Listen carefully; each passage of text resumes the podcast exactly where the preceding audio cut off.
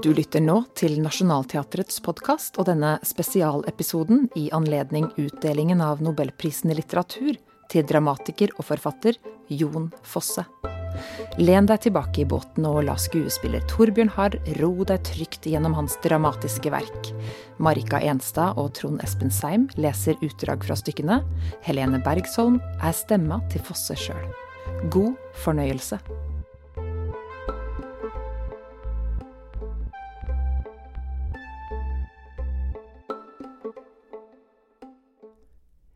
Enten du er ihuga Fosse-fan, som trenger litt oppfriskning, eller bare er ute etter noen Fosse-fun facts til kaffepausebruk, vi serverer herved den komplette oversikten over alle Jon Fosse sine teaterstykker på 40 minutter. For som han har diktet, fra 1993 og i rekkefølge til i dag, så teller vi over 50 stykker. Noen og 50 stykker altså, på ca. 40 minutter. Så da bare setter vi i gang, og vi begynner med begynnelsen. Og aldri skal vi skiljast, Den nasjonale scene 1994. Den aller første Fosse-oppsetninga hadde urpremiere på Den lille scenen på Den nasjonale scenen i Bergen, i regi av Kai Johnsen. Den erfarne forfatteren, Jon Fosse, hadde blitt dramatiker, og fått sitt første teaterstykke oppført. Opplevelsen beskrev han selv slik. Jeg så en sein prøve, og stykket sto der. Det sto ikke støtt, men det sto der.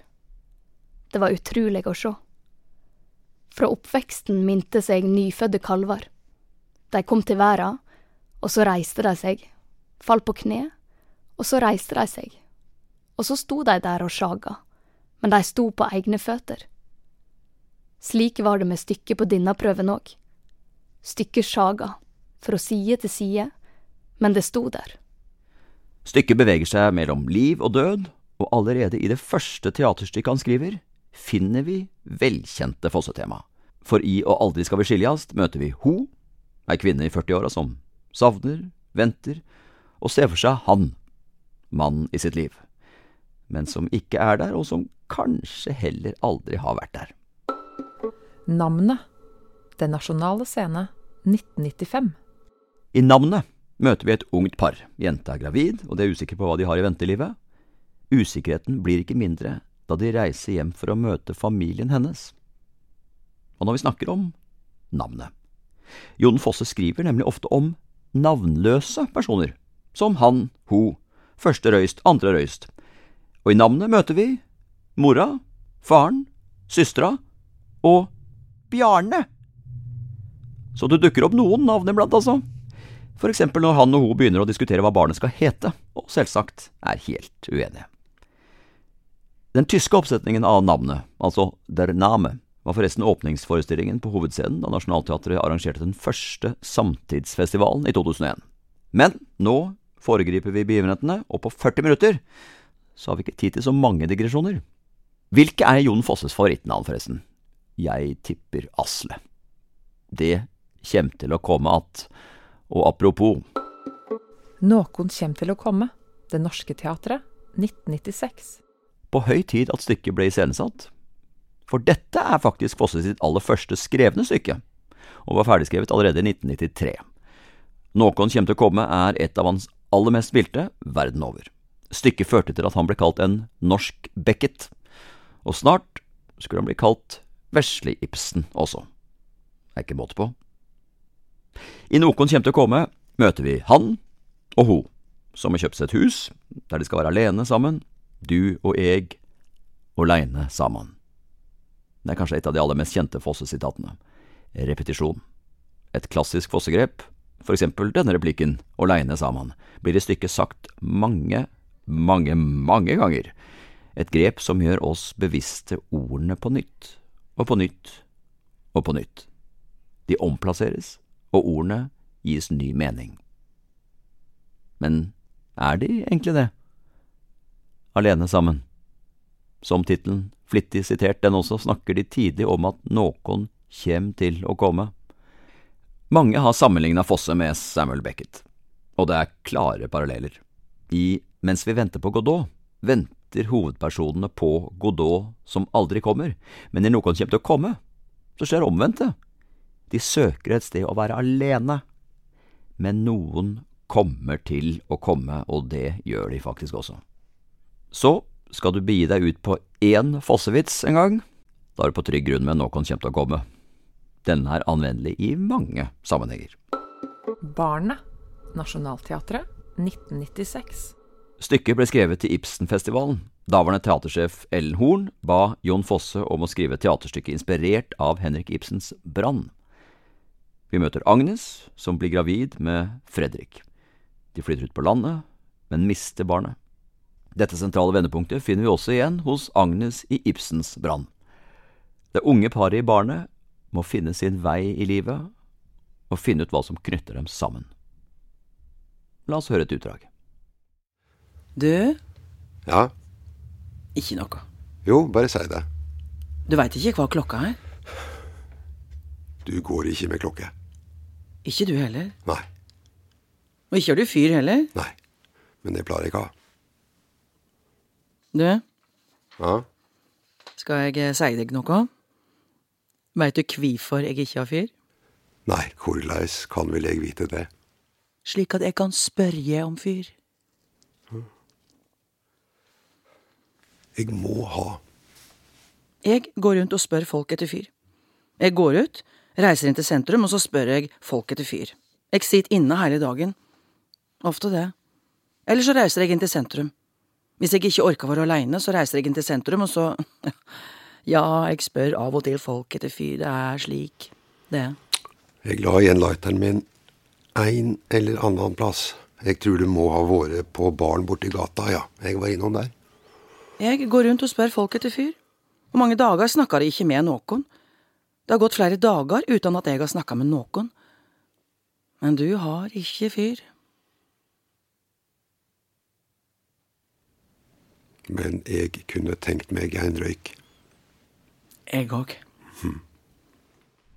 Barnet blir regnet som Fosses internasjonale gjennombrudd, og det aller første Fosse-stykket på Nationaltheatret, men nærmere ikke det siste. På rekke og rad kommer jo titler som jo strengt tatt minner litt om hverandre. Mor og barn. Nationaltheatret. 1997. Sonen. Nationaltheatret. 1997. Begge disse to forestillingene i regi av Kai Johnsen, du vet han som satte opp Fosses aller første stykker. Kai Johnsen er for øvrig den som overtalte Fosse til å begynne å skrive dramatikk. For på den tiden kunne ikke Fosse fordra teater. Han syntes det som regel bare var kjedelig, og gikk ofte i pausene. Så takk, Kai Johnsen. Ja, det var seks strake stykker, det. Men vi har fremdeles mange godbiter i vente. Flere skal æres, så heng på. For nå kommer nok et høydepunkt. Denne tittelen, den er det mange som kjenner. Natta syng sine songer. Rogaland Teater. 1997. Også denne i regi av Fosses teatermaker Kai Johnsen. Og mens en annen viktig Fosse-forkjemper, Eirik Stube, var teatersjef på Rogaland Teater. Stube skulle senere bli teatersjef på Nationaltheatret og fortsette å sette opp Fosse-stykker der. Her kommer et utdrag fra Natta syng sine songer. Dette er faktisk åpningsreplikken i stykket, så ikke kom her og si at Fosses karakterer alltid er fåmælte og tar lange pauser. Replikken leses av Barika Enstad, som for øvrig også spilte rollen i urpremieren av stykket i 1997.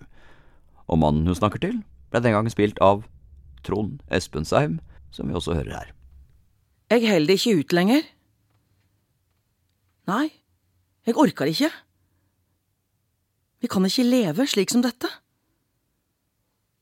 Du ligger der og les. Du går ikke ut.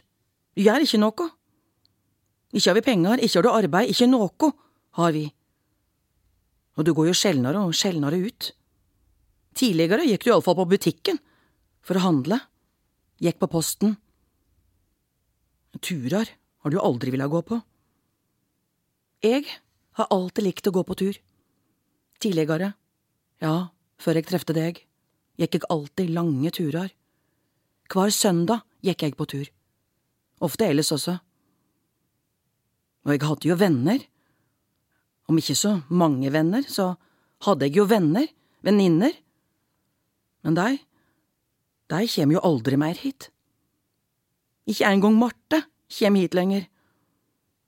Hun kan ringe på døra, stå utenfor og snakke med meg, men inn vil hun ikke komme. For du sitter jo bare der og lyser misstemning. Venninnene mine kom hit noen ganger, men du satt jo bare der, stiv og anspent, sa ikke et ord. For en stemning. Nei, det var ikke til å holde ut. Og derfor kjem de jo sjølsagt ikke oftere. Ingen kjem hit. Du er ikke frisk. Du tåler jo ikke folk. Ja. Nei, jeg orker snart ikke mer. Og når så endelig noen skal komme på besøk, er det foreldra dine? Det hender jo at foreldra dine er her òg. Mannen med skrivesperre der, altså. Det kan jo hende det er selvbiografisk. Fosse legger ikke skjul på at mye av det han snakker om, er, om ikke basert på, så i hvert fall inspirert av hvordan livet hans var på akkurat den tiden. Men tilbake til oversikten, for vi er nå midt i Fosses dramatiske raptus. Fra 1999 til 2000 så kommer det faktisk åtte urpremierer på løpende bånd. Vi fortsetter med Gitarmannen, Teater Sinober, 1999. Stykket ble egentlig skrevet rett etter navnet, men urpremiere fikk det i Göteborg, og senere har det vært spilt i alt fra Tyskland til Sør-Korea og Kina. Medan lyset går ned og alt blir svart, Teater Ibsen, 1999. En sommersdag, Det Norske Teatret, 1999. Igjen et stykke med et velkjent fossemotiv. Vi møter en eldre kvinne som, sammen med den eldre venninna, ser tilbake på livet. Den gangen hun var ung, flytta fra byen og til et hus ved fjorden med mannen sin. Mannen taklet ikke overgangen bra, ble bare trist, og endte med å ta sitt eget liv i båten på sjøen. I stykket møter vi både den eldre og yngre utgaven av karakterene. Livet går på repeat, men det gjør jo også Fosse sine stykker, så man kan kanskje si at de holder hverandre tematisk i hendene. Draum om hausten, Nationaltheatret, 1999. La oss dvele litt ved denne. Ikke bare fordi dette hadde sin uroppførelse på Nationaltheatret, men fordi Draum om hausten regnes som et av Fosses beste stykker og blir spilt verden over. Stykket utspiller seg på en kirkegård. Dette er det første stykket Fosse lar levende og døde personer møtes på scenen, som vi kommer til å se mer av i senere Fosse-stykker. Det er fortsatt Kai Johnsen som setter opp Fosse på Nationaltheatret. Men det er også andre som har satt opp Draum om hausten. Da Det Norske Teatret arrangerte den aller første Fossefestivalen i 2016, var regissør Trine Wiggen, som jo er skuespiller her ved Nationaltheatret, og for øvrig spilte i urpremieren på Namnet 21 år tidligere. Besøk Den nasjonale scene, 2000. Sov du vesle barnet mitt, Théâtre de Folle Ponce, 2000. Vinter, Rogaland Teater, 2000. Vinter, ja. Her har vi nok et ofte spilt Fosse-stykke, som for eksempel på Torshov-teatret noen år senere. Mange av Fosses stykker, som Vinter, har, kanskje overraskende for noen, mye lun humor i seg, som regissør og skuespillere kan hente frem. Paret vi møter i Vinter, skiller seg fra parene vi møter i de fleste andre Fosse-stykker, nettopp fordi de strengt tatt ikke er et par. Han er på reise i en by med familie et helt annet sted, og møter henne til noe begge forventer skal være en one night stand. Ja, sånn fins faktisk også i Fosses univers. Men overraskelser skjer. Kanskje noen kommer til å komme attende? Ettermiddag, Teaterhøgskolan i Stockholm, 2000. Du lurer kanskje på hvorfor en teaterhøyskole var så heldig å få skaffet seg en Fosse-urpremiere? Og det er fordi Fosse mottok bestillinger på mange av sine stykker, både fra teatret, men også fra teaterskoler. Ettermiddag er nok et av de mindre kjente og mindre spilte Fosse-stykkene. Men noe spilt er det, som i 2002 da du dro på riksteaterturné med Lise Fjelstad som regissør. Vakkert, Det Norske Teatret, 2001. Fosse skriver og lagrer og gjenbruker. Og noen ganger kan man kjenne igjen motivene i flere av verkene hans, sånn som Vakkert. Dette stykket er en videreføring av romanen Naustet fra 1989. Vi møter familien, han, hun og dattera, som reiser hjem på sommerferie til hans mor. Der hjemme møter de på gamle bekjente som snur denne sommerferien på hodet. Det er sommer og alt er vakkert, men det skjuler seg noe under overflaten.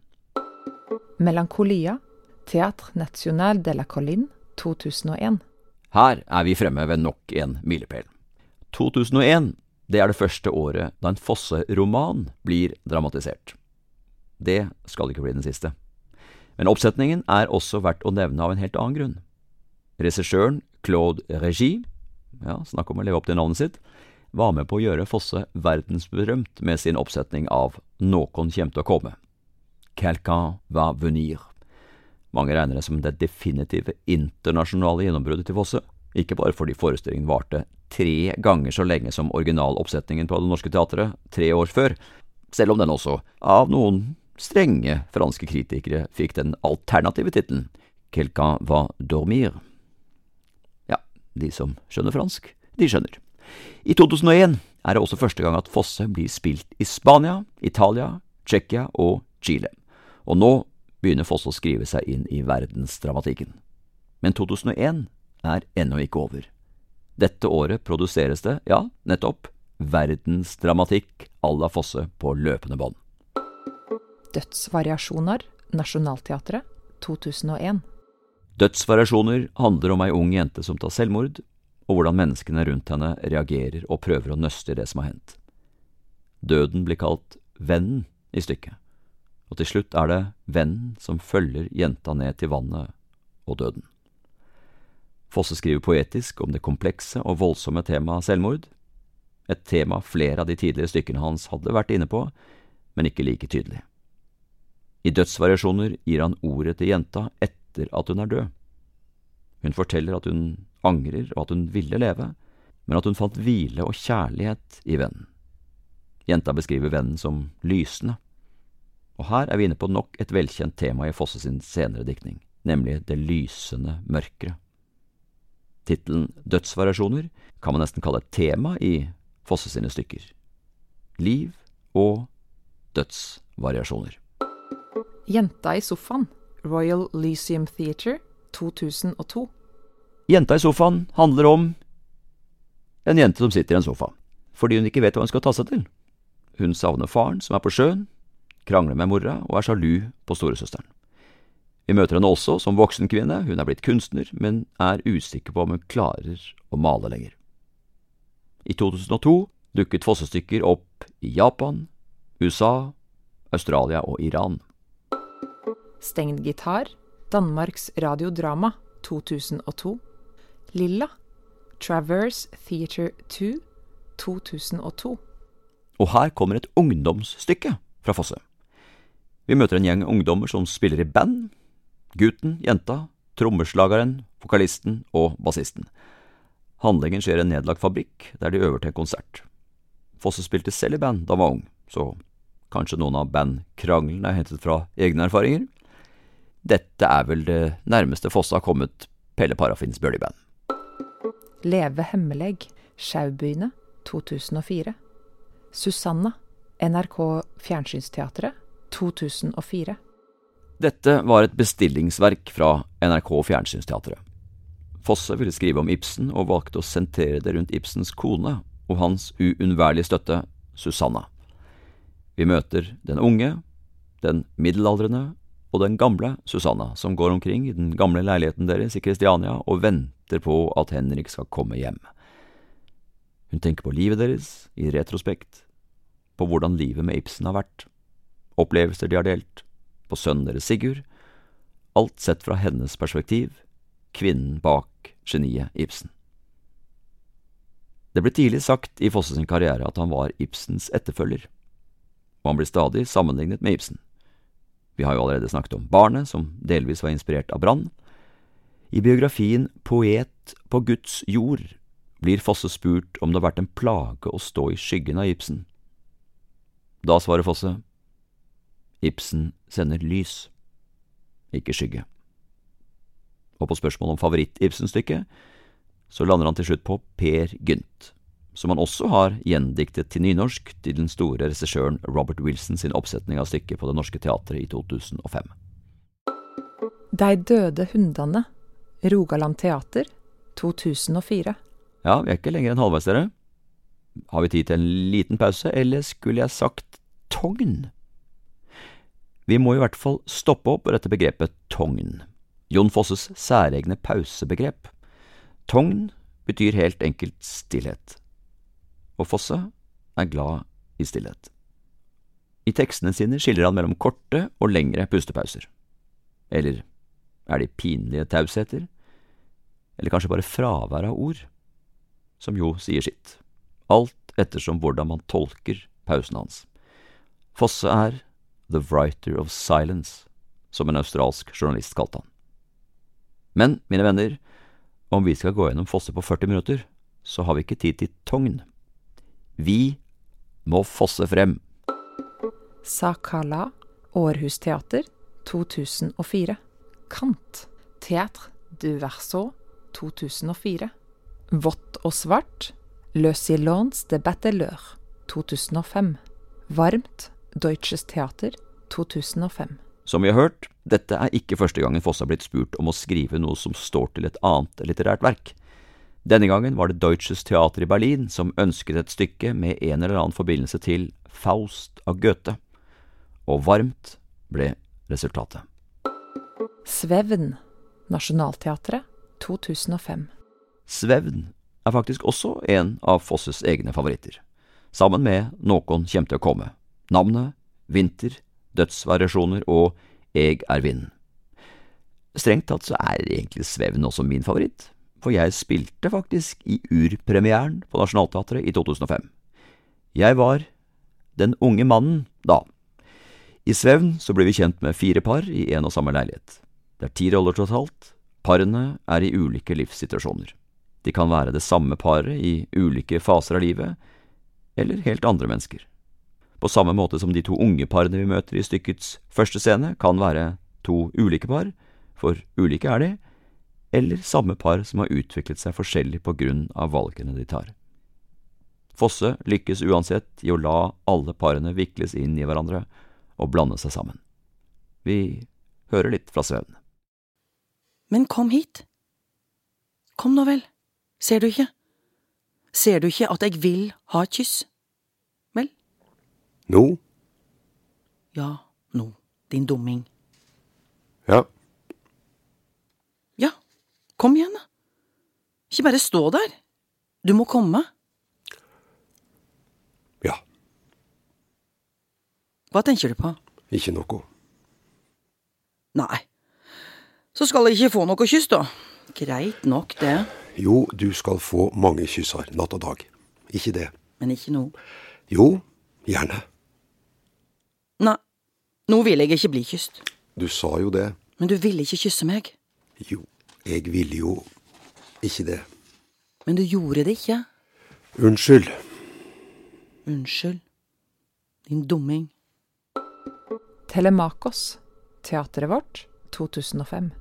Telemakos er en enakter skrevet fritt etter Odysseen av Homer. Telemakos er sønn av Odyssevs og Penelope. Dette er ett av flere stykker som han har skrevet basert på myter fra gresk mytologi, som greske Eurypides eller franske Racine, hvor Fosse igjen har lykkes å skape sine egne versjoner. Der borte, Det åpne teater, 2006. Det åpne teater er avviklet i dag, men etterfølgeren, Dramatikkens hus, har samme oppdrag, nemlig å utvikle nye teatertekster. Da de feiret 20 år i 2006, inviterte de Jon Fosse til å skrive et nytt stykke til Festivitasen, og det ble Der borte. Vi møter et eldre ektepar som endelig skal gjøre det de alltid har drømt om – å bestige fjellet. Rambuku, Det Norske Teatret, 2006. Fosse holder seg med de eldre. I Rambuku også. Rambuku åpner i en stue, vi møter et eldre par. Hun har på kåpe og ei skulderveske, han har på frakk. Hun har masse på hjertet, han er ordknapp.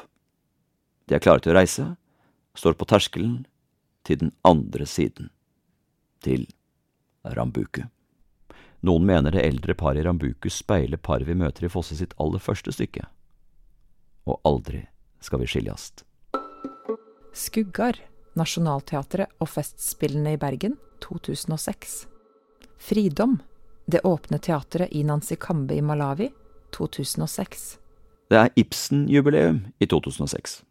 Og det er klart Jon Fosse, Vesle Ibsen som han jo blir kalt, bidrar til feiringen.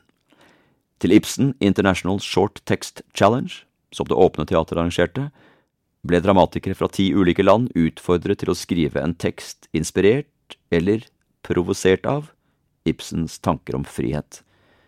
Urpremieren i Malawi var også første Fosse-stykke spilt i Afrika. Eg er vinden, Nationaltheatret og Festspillene i Bergen 2007. Ja, se her, ja. Nå har vi kommet til en ny milepæl. Eg er vinden var det første Fosse-stykket oppført på en stor norsk hovedscene. Det er ikke hverdagskost for norske samtidsdramatikere. Så kan man jo sende en tanke til regissøren, Eirik Stube, som må forholde seg til følgende sceneanvisning i Eg er vinden. Stykket spiller seg ut i en tenkt og så vidt illudert båt, og handlingene er også tenkte, og skal ikke utførast, men illuderast. Det krever sitt. Men fint ble det. Det var som en engel gikk over scenen. Fosse sa en gang at Eg er vinden var hans siste stykke. Han ville vie seg til romanskriving. Men det skulle heldigvis ikke stemme. Eg er vinden det er som et teaterdikt mer enn en fortelling. Vi møter to menn, to gode venner, som har kjent hverandre gjennom hele livet. Plutselig velger den ene å ta sitt eget liv. I forestillingen møter vi dem ute på båttur sammen. Her er et utdrag fra Ega vind. Jeg Eg ventar. Båten sig framover. Eg svingar på roret, båten sig framover. Eg må gjere noko. Eg ser utover, og bare åpne havet kan sjåast. Alt er tomt. Bare hav. Bare himmel. Bare tomt. Bare svart. Bare hvitt. Og så bølgene. Store er bølgene blitt. Eg ser innover, og langt der inne, langt der inne kan eg vel sjå fyret. Og nå slår bølgene mot båten, og eg kan vel ikkje være her lenger. Eg ventar. Eg roper, Hvor er du? Båten sig framover, eg ventar. Eg svingar på roret, båten sig framover. Eg held roret rolig, og bølgene, bølgene er store blitt, svarte og hvite bølger, og himmelen held på å bli svart, havet er svart, eg roper, kvar er du? Eg roper, eg veit ikke hva eg skal gjøre. Eg ser mot fyret, eg styrer mot fyret, eg ser meg tilbake, eg roper, kvar er du? Eg ser bare den svarte himmelen og det svarte havet og dei svarte og hvite bølgene, og båten går veldig opp og ned og båten er oppe. Så er den nede. Jeg ser fyret, jeg styrer mot fyret. Jeg holder roret rolig, og opp og ned går båten. Morgen og kveld, Poll kulturell interkommunal 2007.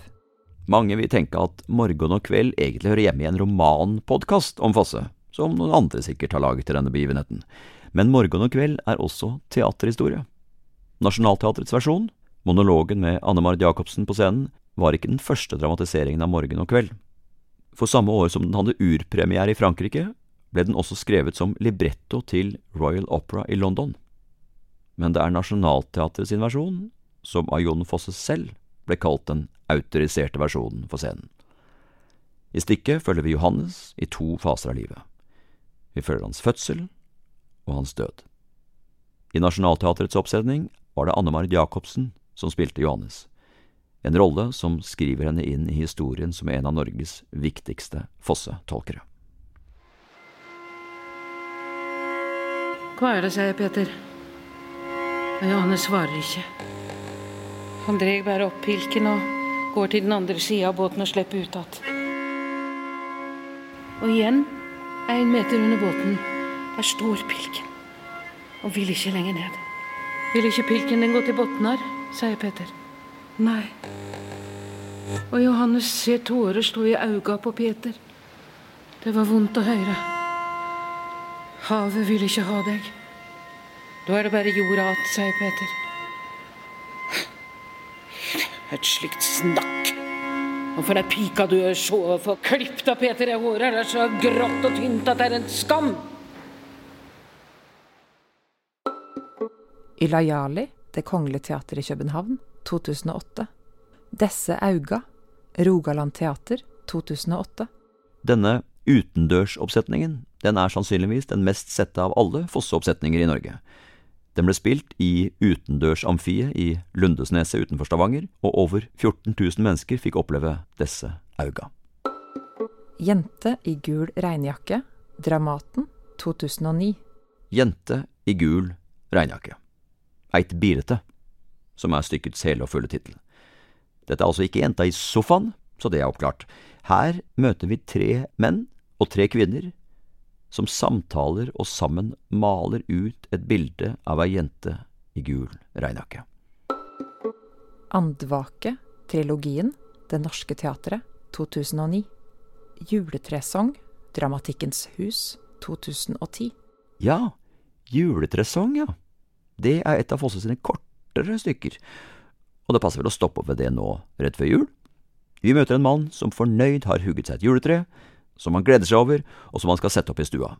Men mens han pynter og undrer seg over jula, så kommer han brått på at julebudskapet, om en frelser som er oss født, det tror han jo ikke på. Så da hiver han ut juletreet, og ferdig med det. Og ferdig med stykket òg. Og nå har vi altså kommet til året 2010. Dette året fikk Fosse verdens største teaterpris.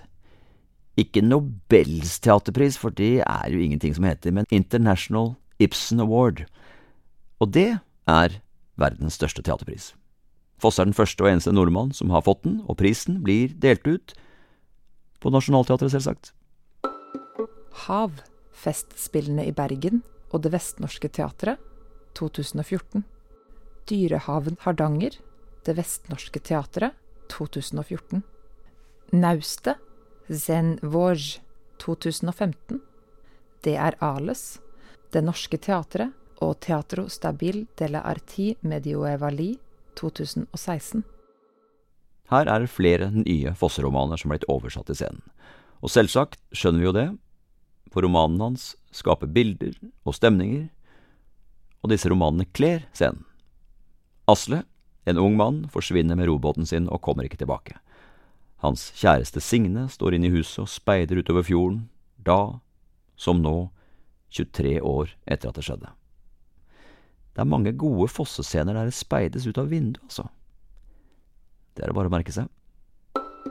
En rau sommerfugls venger, Det Norske Teatret, 2019. Og så kan hunden komme, Vestenå Teater, 2019. Slik var det, Den nasjonale scene, 2020. Melankolia 2, Tau scene, 2020. Nok en dramatisert roman der, altså. Det kan kanskje ha noe med at Fosse de senere årene har skrevet færre skuespill og flere store romanverk.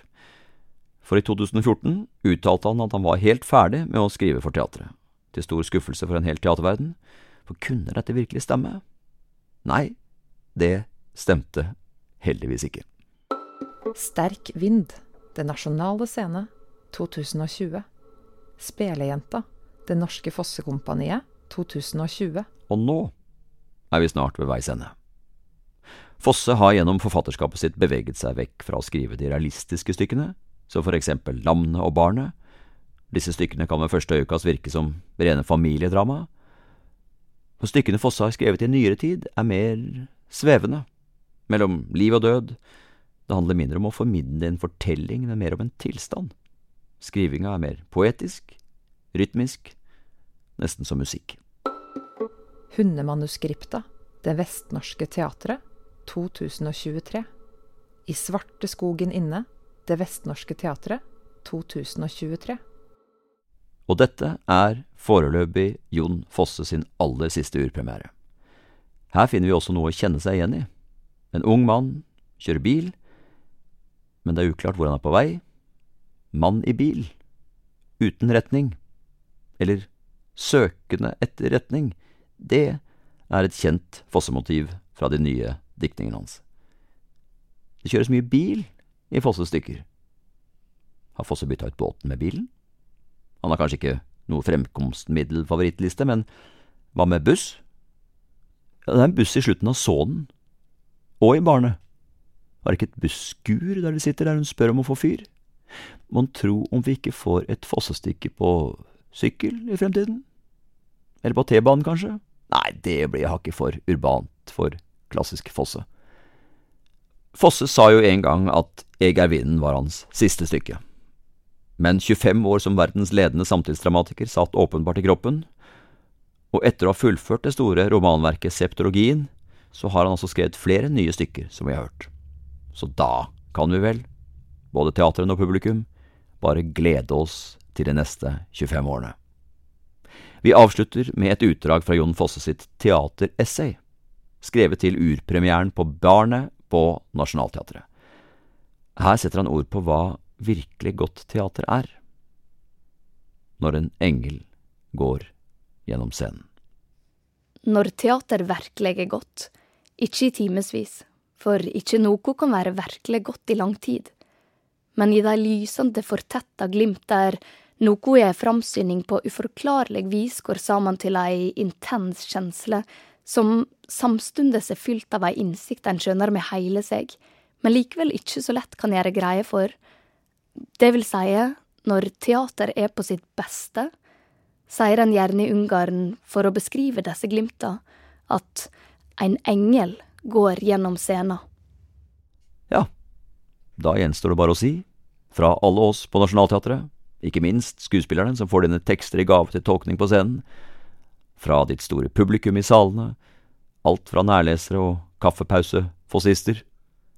Kjære Jon Fosse, gratulerer med velfortjent nobelpris.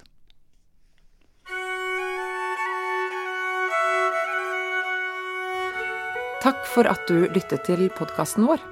Manus var skrevet av Olav Torbjørn Skare og meg, Gunhild Kilde. Musikken du hører nå, er komponert og fremført av Benedicte Maurseth til forestillingen Morgen og kveld på Nationaltheatret. Du hørte også et utdrag fra en video lagd i forbindelse med oppsetningen med Anne-Marit Jacobsen. Takk til Colombine forlag og listen over urpremierer, med forbehold om noen tillegg og endringer. Takk til Fosse-biografien 'Poet på Guds jord' av Cecilie Seines, utgitt på Samlaget forlag.